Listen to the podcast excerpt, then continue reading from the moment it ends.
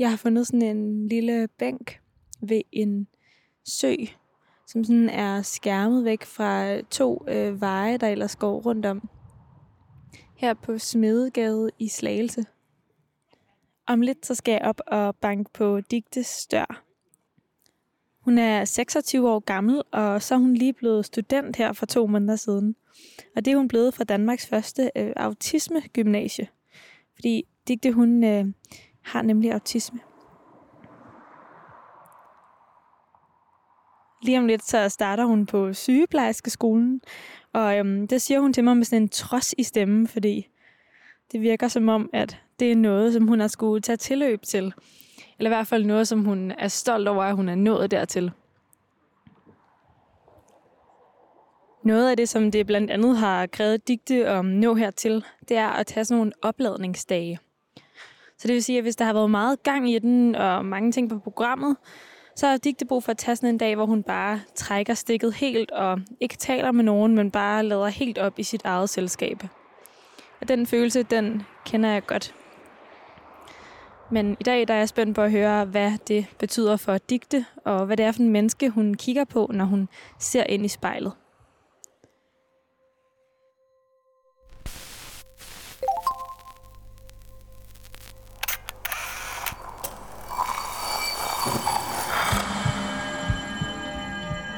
Vi ser os i spejlet hver dag. Som regler det i forbifarten. Vi scanner lige kort, om vi ser ud, som vi skal, inden vi fortsætter vores dag. Vi ser det samme spejlbillede igen og igen, i små øjeblikke. Men hvad sker der, når vi tager os tid til at se os selv i spejlet? Hvad ser vi, hvis vi ser os selv i øjnene? Sådan rigtigt. Hver uge vil vi besøge fem unge, bede dem om at bruge en time i selskab med deres eget spejlbillede. Jeg hedder Liva Mangesi, og du lytter til spejlet.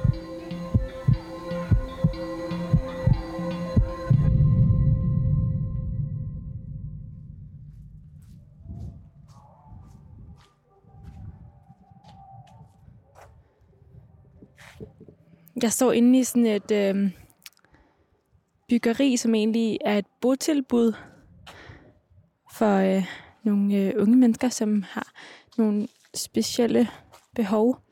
Og øh, der er altså mulighed for, at øh, Digte hun kan få noget hjælp, hvis hun har brug for det, i forhold til hendes autisme-diagnose.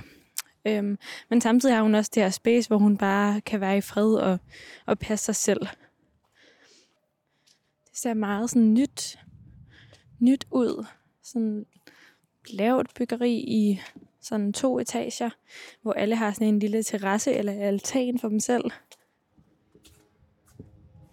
Der er åben dør her. Hallo?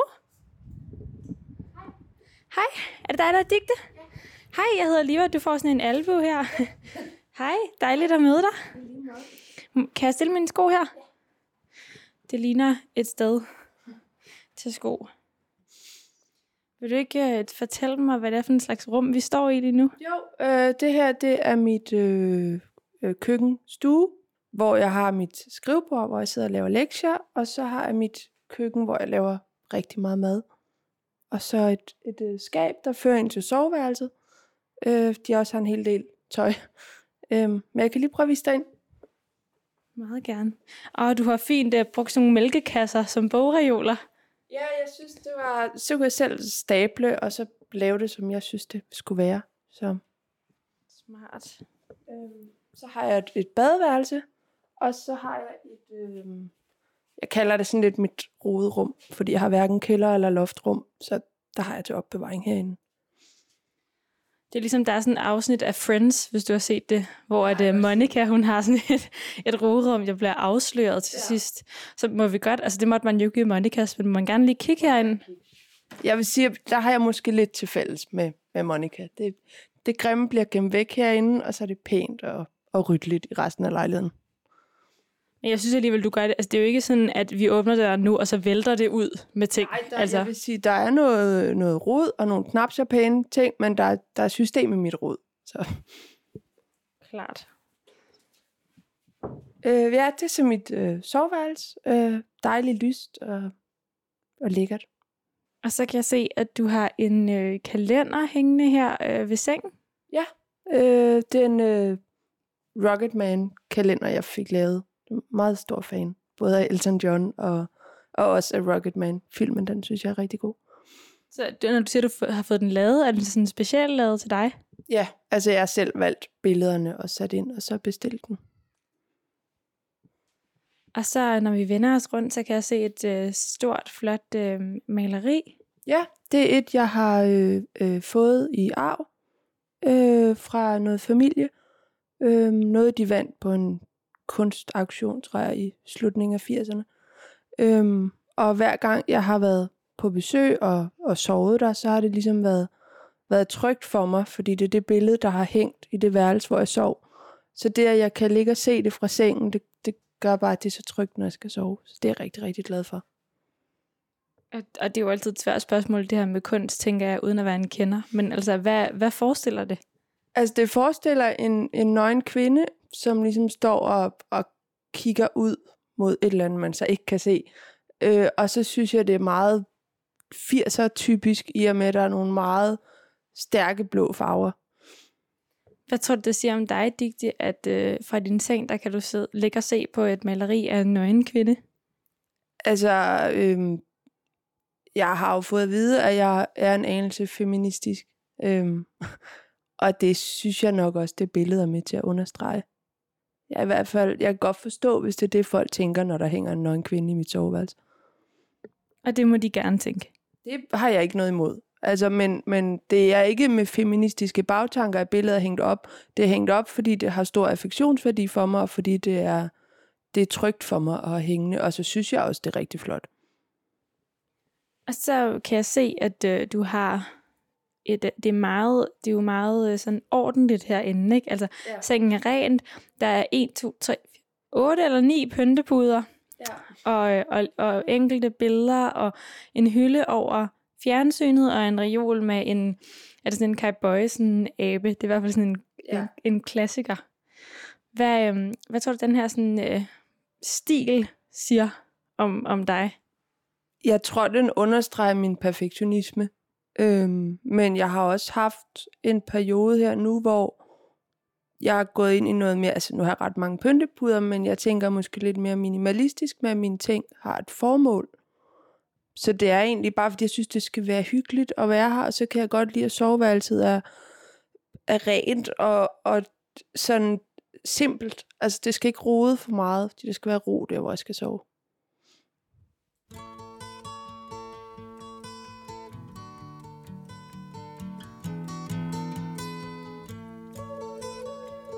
Det er en meget øh, lys sang.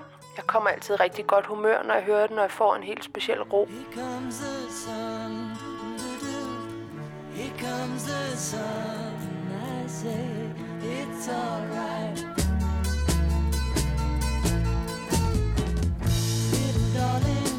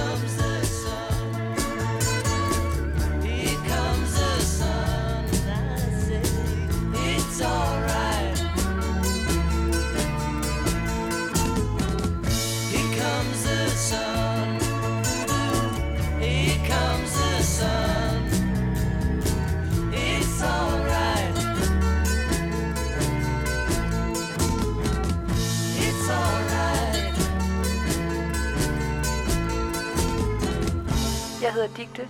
Jeg sidder foran spejlet.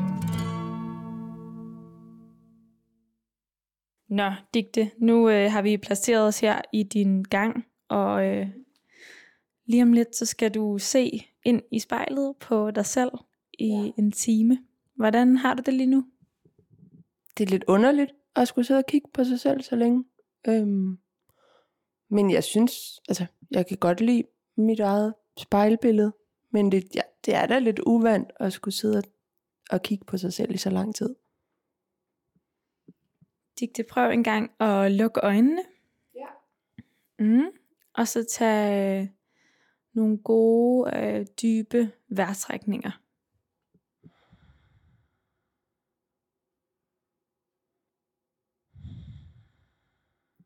Og når du føler dig klar, så må du gerne bare åbne øjnene og se ind i spejlet.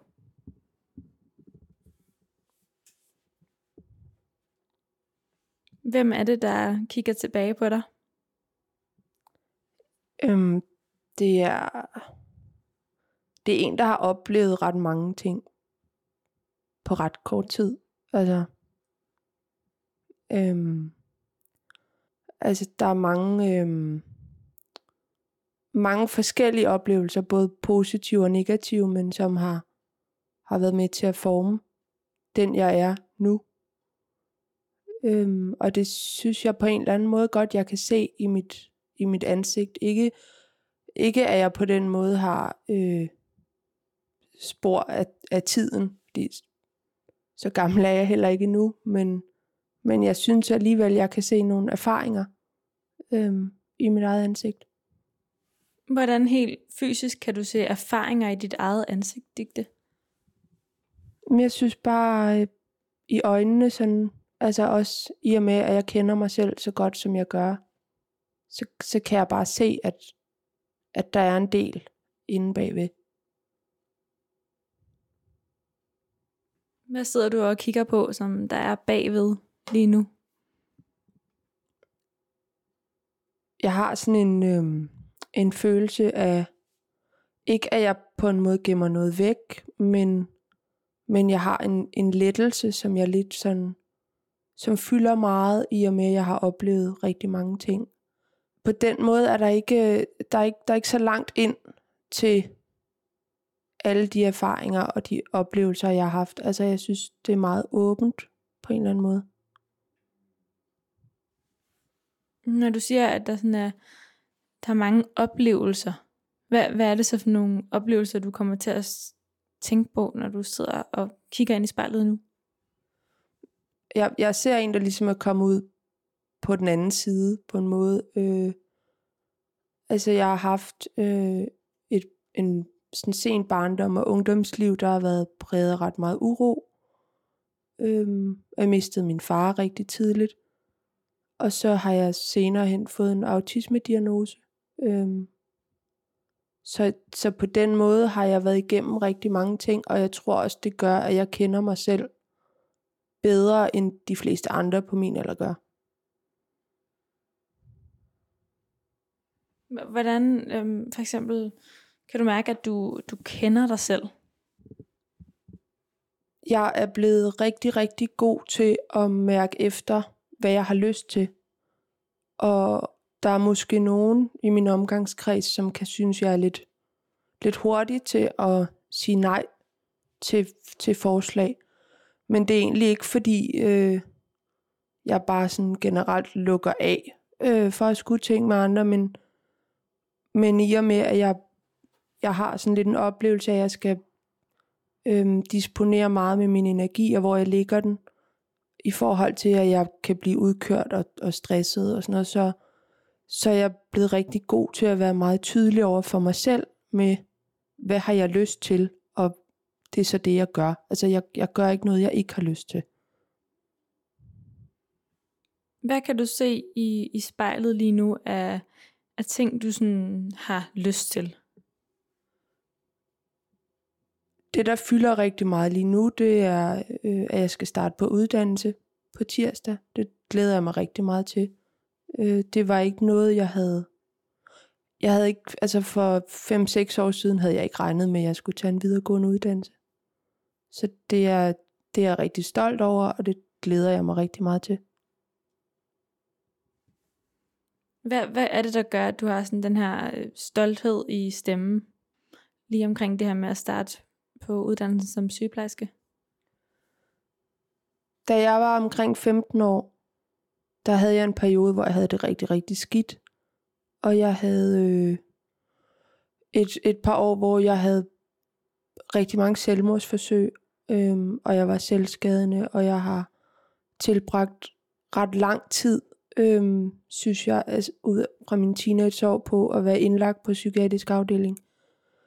Øhm, så det, at jeg for tre år siden startede på gymnasiet for, det var faktisk tredje gang, jeg startede, men at det så lykkes, og at jeg nu står og skal ind på en videregående uddannelse, det havde jeg egentlig lidt opgivet.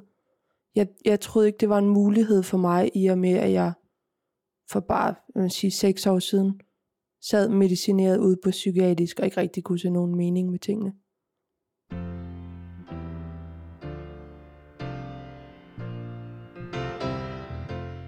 Den er meget sentimental for mig på en eller anden måde. Altså, jeg bliver altid meget rørt, når jeg hører den. For mig handler den om det med at, at sige farvel til nogle ting og, og vælge en anden vej. Should have listened to my own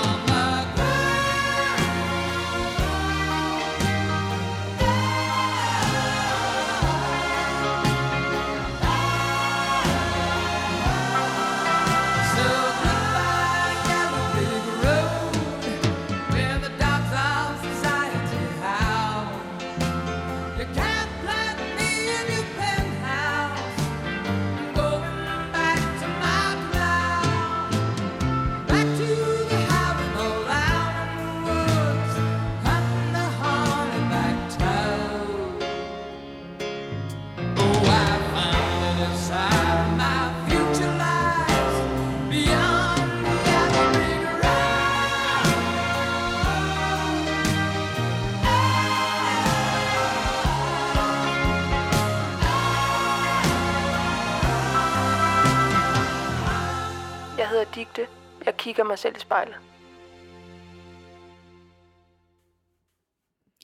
Lad os lige spole tiden en lille smule tilbage, Digte. Du er 15 år gammel, og øh, du er indlagt på psykiatrisk afdeling.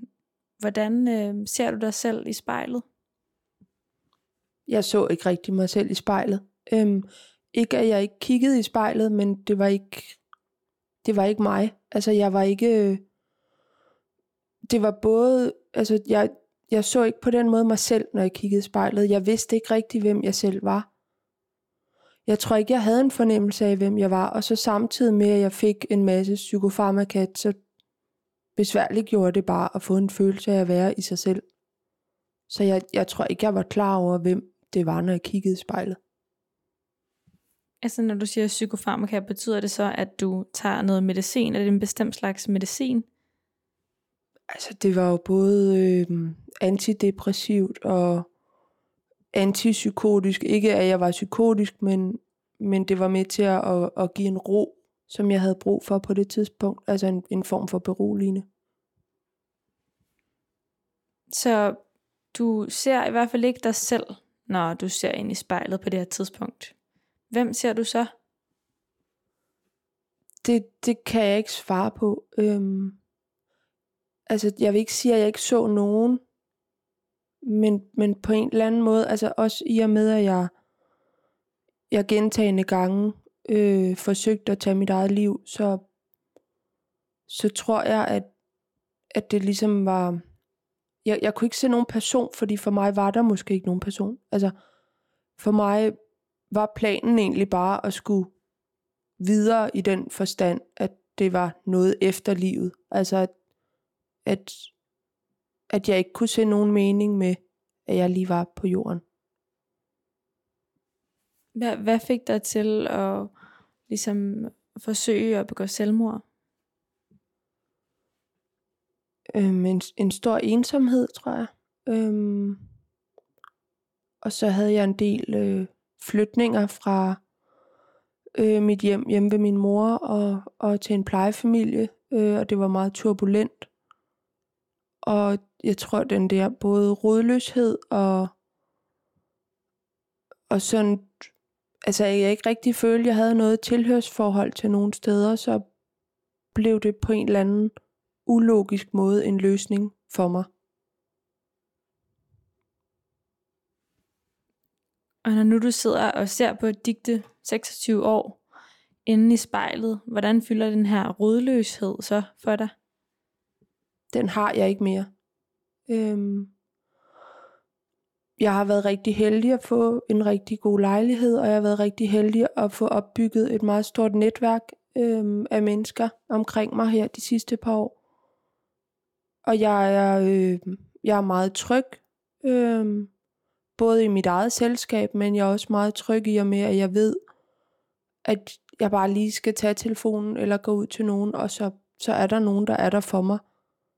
Øh, så jeg føler mig ikke, ikke rodløs mere, og jeg føler helt klart, at jeg har en, en mening, øh, både med mit eget liv, men også altså i, at jeg en dag kan gøre en forskel for andre. Ja, for jeg kan jo ikke lade være med at tænke på det her med, at du selv har været indlagt på psykiatrisk afdeling, og nu, øh, nu uddanner du dig faktisk inden for den her verden, i hvert fald som, som sygeplejerske. Hvad har det her valg af betydning for dig? Altså, det har den betydning, at jeg, jeg ved allerede nu, at altså, selvfølgelig skal jeg i praktik i psykiatrien, fordi det er en del af uddannelsen. Men jeg har ikke lyst til at blive ansat i psykiatrien. Og det er sådan set, altså, det er jo ikke fordi, jeg ikke tænker, det er et godt arbejde, men jeg er måske ikke der endnu, hvor jeg har lyst til at skulle tilbage til psykiatrien. Og så synes jeg også, øh, altså jeg vil rigtig gerne være operationssygeplejerske, og det synes jeg virker mere spændende, og det er det, der tiltaler mig mest lige nu.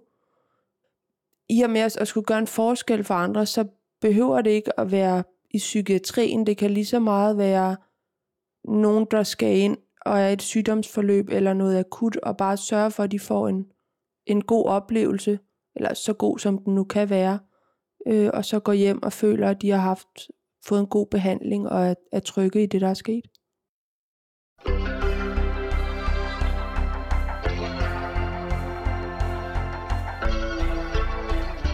Den handler om at, at aktivt gå ind og, og tage et valg om at ændre nogle ting. Det var det liv, du fik foræret. Du må selv klippe dine rødder fri. Du ser dig selv i alle citater. Og for for eventyr for meget poesi.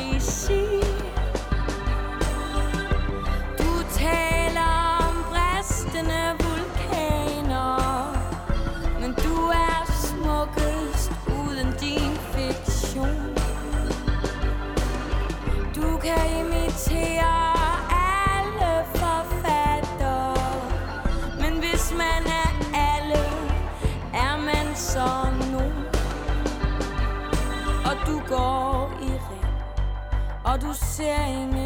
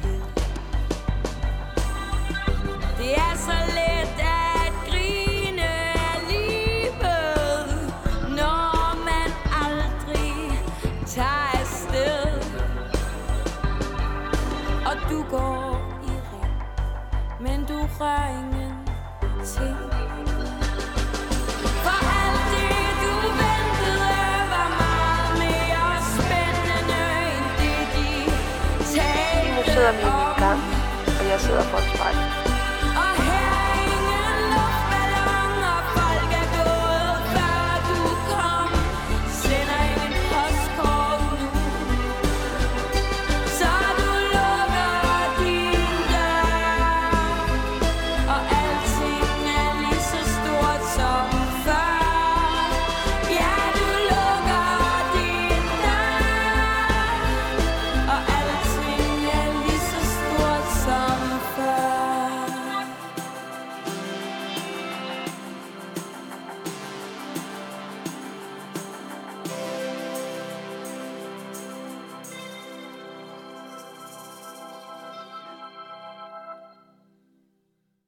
Vi sidder jo her i dit hjem i Slagelse, Digte, og du ser dig selv ind i spejlet.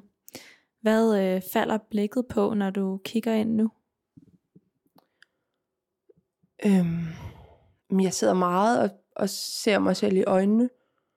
Øhm, og så kan jeg heller ikke undgå at nogle gange komme til at kigge altså på den baggrund, jeg sidder ved, fordi der hænger et, et billede af, af mig, da jeg er tror 13-14 år, hvor jeg står sammen med min plejefar. Det er et billede, jeg er rigtig, rigtig glad for.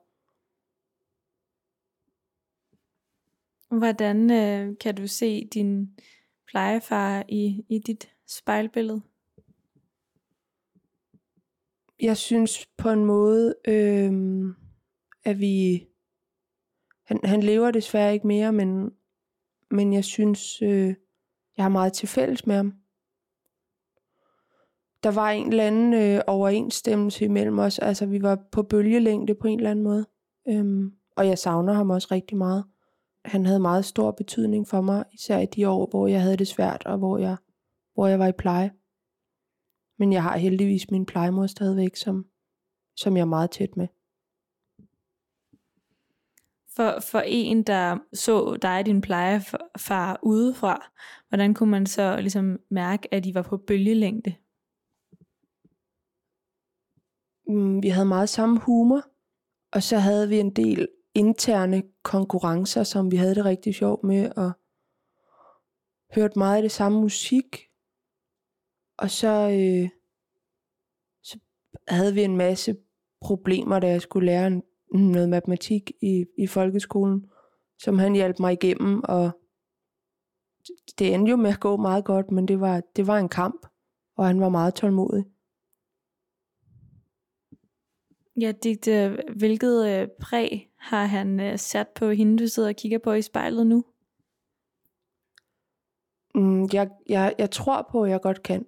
Når jeg står over for en udfordring, så er det ikke sådan, så jeg bare giver op. Altså, jeg, jeg vælger også min, min kampe med omhu. Det er jo ikke sådan, så jeg, jeg tænker, selvom jeg er højdeskak, skal jeg springe bungee jump. Altså, det er jo ikke, det er jo ikke fordi det er fuldstændig urealistisk, men, men hvis jeg står over for en ny udfordring, så er det ikke sådan, altså så jeg er blevet bedre til at holde hovedet koldt, og til lige at lige træde et skridt tilbage og tænke, hvordan løser jeg lige den her?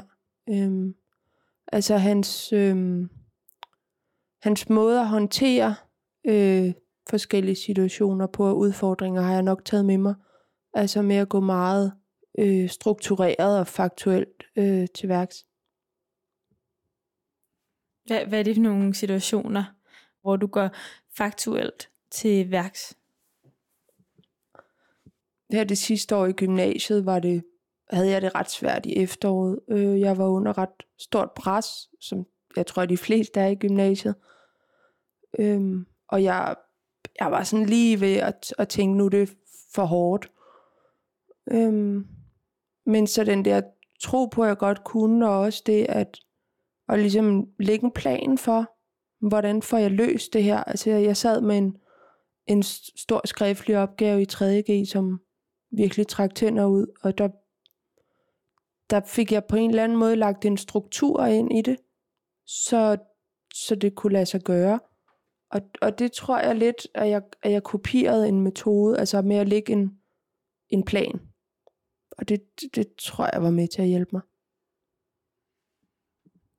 Før der nævnte du, at, øh, at du sidder lige nu og ser dig selv i øjnene inde i spejlet. Så hvad er det for et blik, du kigger på dig selv med?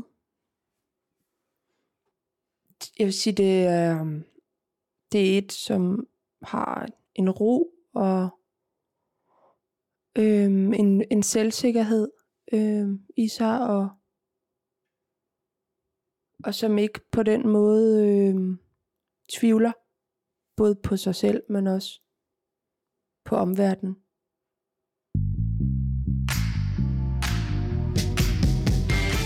Altså, det er jo virkelig en kærlighedssang til sig selv. Altså, det er jo også det, den er skrevet ud fra efter Elton Johns lange, hårde forløb. Og jeg kan måske godt identificere mig med det. Jeg, jeg elsker mig selv, og selvfølgelig skal jeg det. never hard to tell. Too much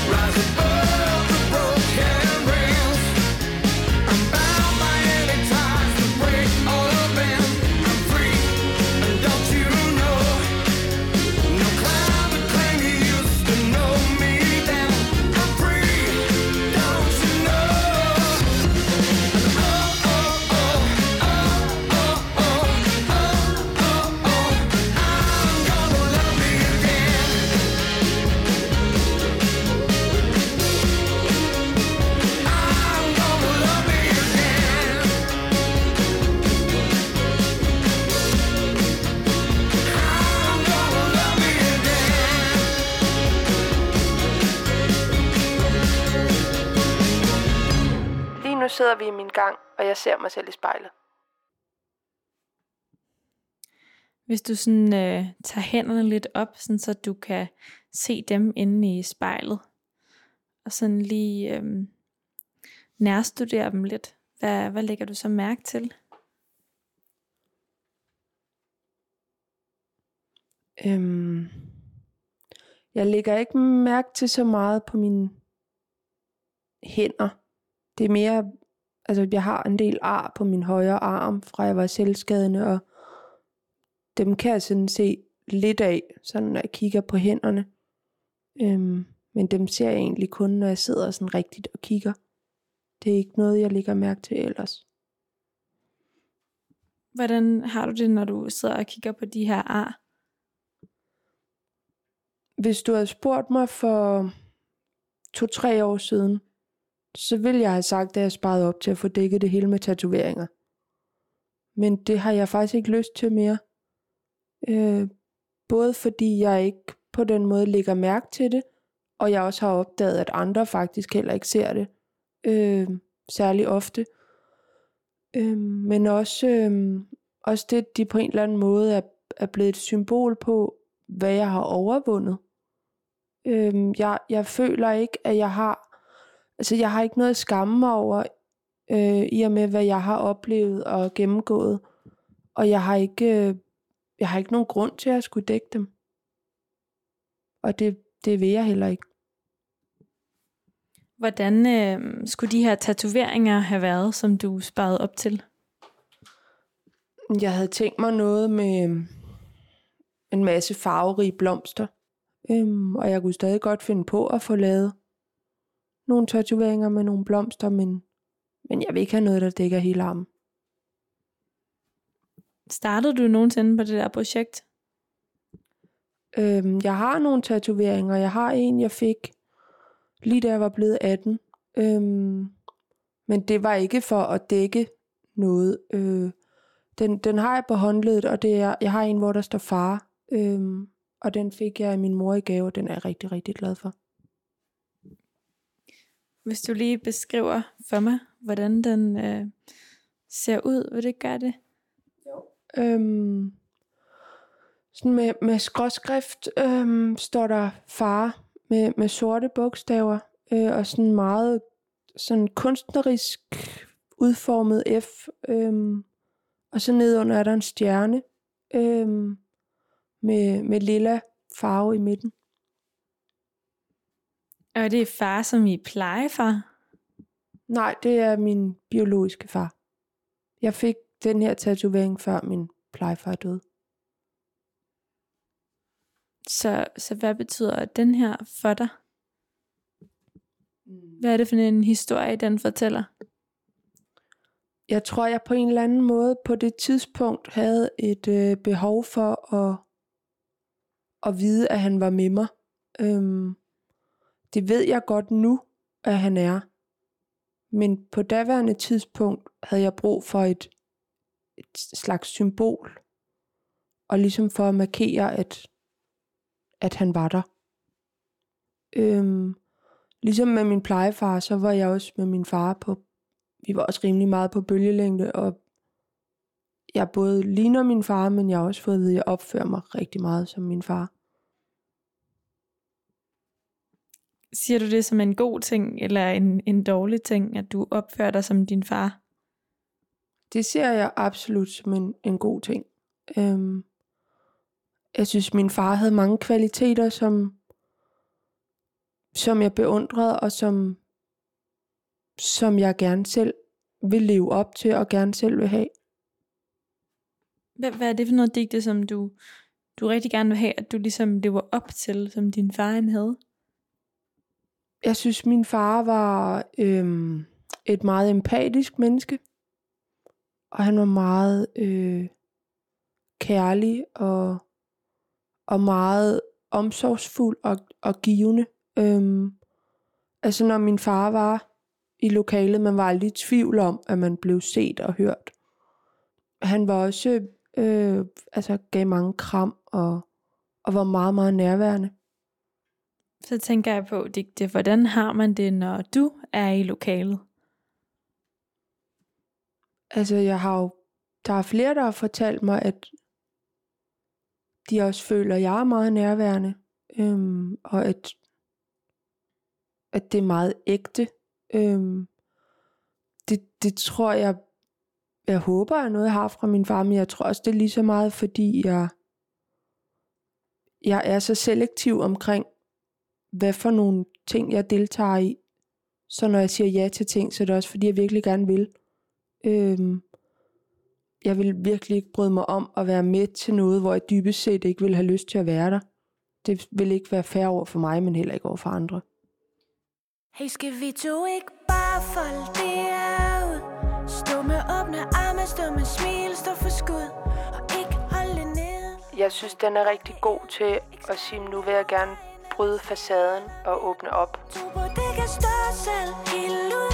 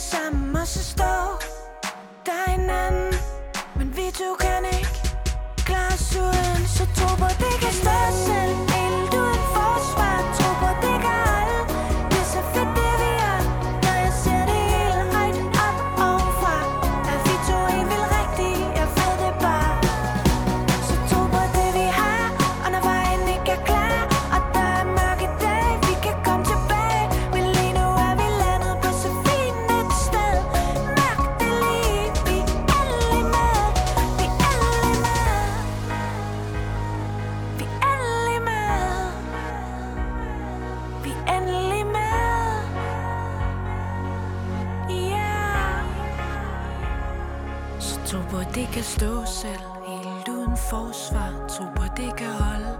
Det er så fedt, det vi er Når jeg ser det helt højt op ovenfra. At vi to er vel rigtigt Jeg ved det bare.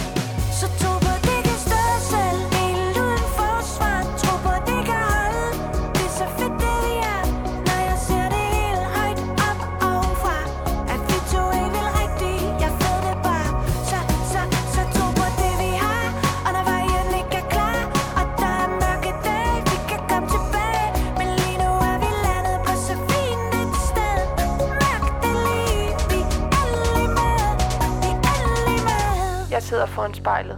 Jeg hedder Digte. Hvad er det første, man bemærker, når man ser digte? Jeg tror, det kommer meget an på, hvem man spørger. Øhm, hvis man spørger min familie, så vil de nok... Ikke, ikke at de ikke ser mig, men de vil nok hurtigt lægge mærke til, hvor meget jeg, jeg minder om min far af udseende. Øhm, det har jeg i hvert fald hørt flere gange, jo ældre jeg er blevet, at jeg ligner min far mere og mere. Øhm, men jeg har en veninde, som har fortalt mig, at jeg sådan har Altså, at, at når hun er i selskab med mig, så får hun selv sådan en ro, fordi jeg udstråler den, den ro og hviler i mig selv. Hvor tror du ligesom i din krop, at den ro, den starter fra, hvis du sådan skulle pege ind i spejlet? Det tror jeg er i maven. Øhm, og sådan lige, sådan, når man siger mave, så kommer jeg også til at tænke på, at min, da jeg var barn, og hvis jeg ikke kunne sove, så sagde min plejemor altid, at jeg skulle lægge hænderne på maven, og så bare ligge og trække vejret.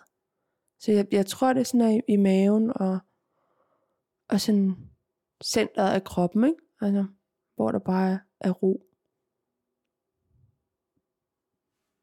Og er der altid bare ro i maven, digte? Nej, nej, overhovedet ikke. Ikke altid. Øhm, altså, jeg vil sige, at hvis jeg, hvis jeg kommer ud der og er presset og, og stresset, så kan jeg også mærke med det samme, så begynder jeg at sove dårligere og, og glemmer ting og sådan noget. Øhm, men, men generelt har jeg nok den ro, vil sige 70-80% af tiden, fordi jeg også prioriterer det så højt, og fordi jeg ved, at, at et af mine grundvilkår for at fungere er, at jeg har den ro og struktur omkring mig. Øhm, men altså, jo, selvfølgelig, da jeg skulle til eksamen, kunne jeg da også godt mærke, at jeg var virkelig nervøs, og skulle ud og tisse 10 gange, inden jeg skulle ind. Altså, selvfølgelig har jeg også uro, men sådan størstedelen af tiden har jeg nok øh, rimelig meget ro. Nu sidder du her foran spejlet, digte. Hvad ligger, hvad ligger man ikke lige mærke til, der egentlig, der egentlig foregår?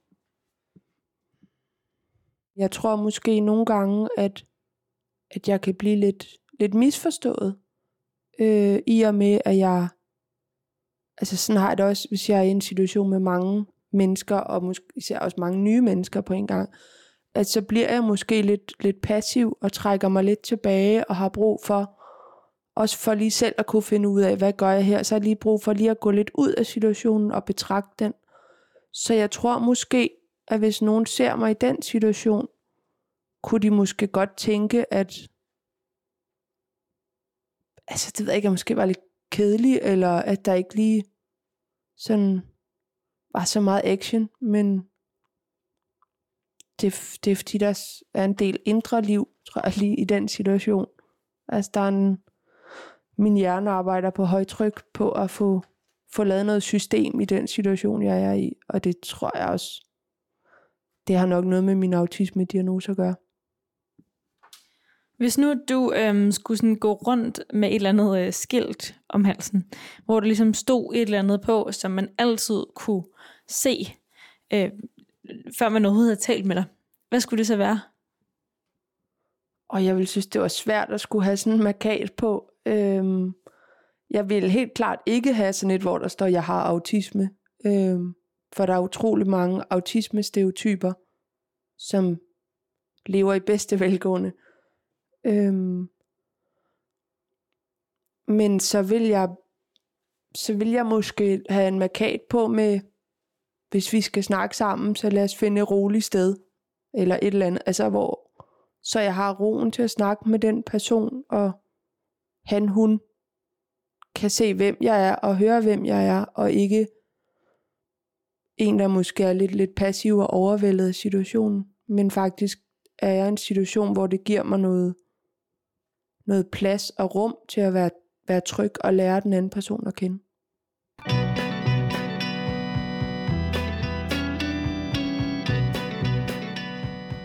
Hver gang jeg hører den, så kommer jeg til at tænke på alle de stereotyper, der er i forhold til autisme. Mange tænker, når de hører ordet autist, så tænker de Rain Man eller en eller anden superhjerne, som kun kan fungere på et meget højt intelligensniveau, men ikke kan fungere socialt. I'm just a soul whose intentions are good. Oh Lord, please don't let me be misunderstood.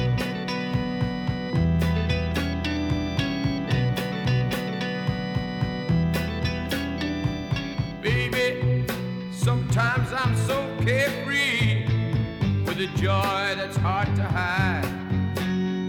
And sometimes it seems that all I have to do is worry and then you're bound to see my other side. But I'm just a soul whose intentions are good. Oh Lord, please don't let me be misunderstood. If I seem edgy, I want you to know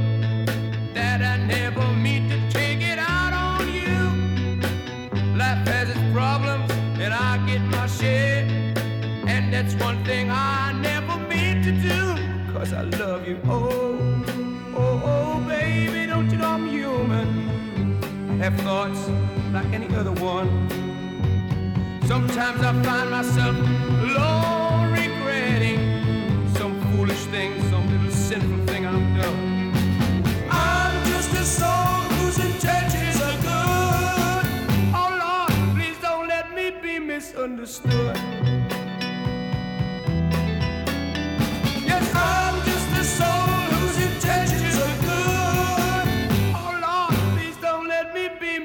Mit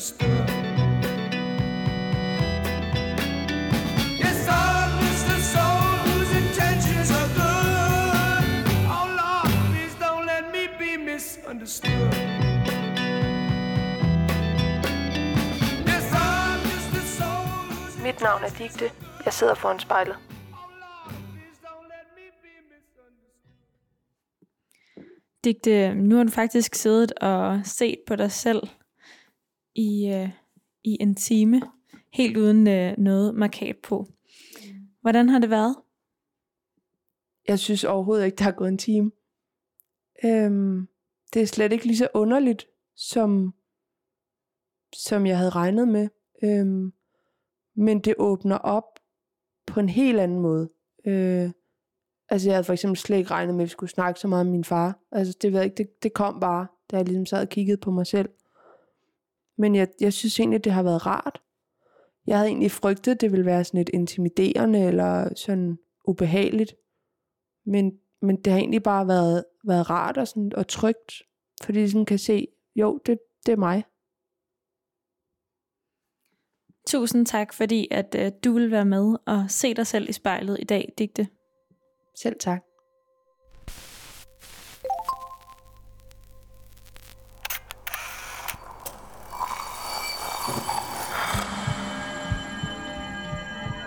Har du selvmordstanker, så kontakt Livslinjen på 70 20 12 01.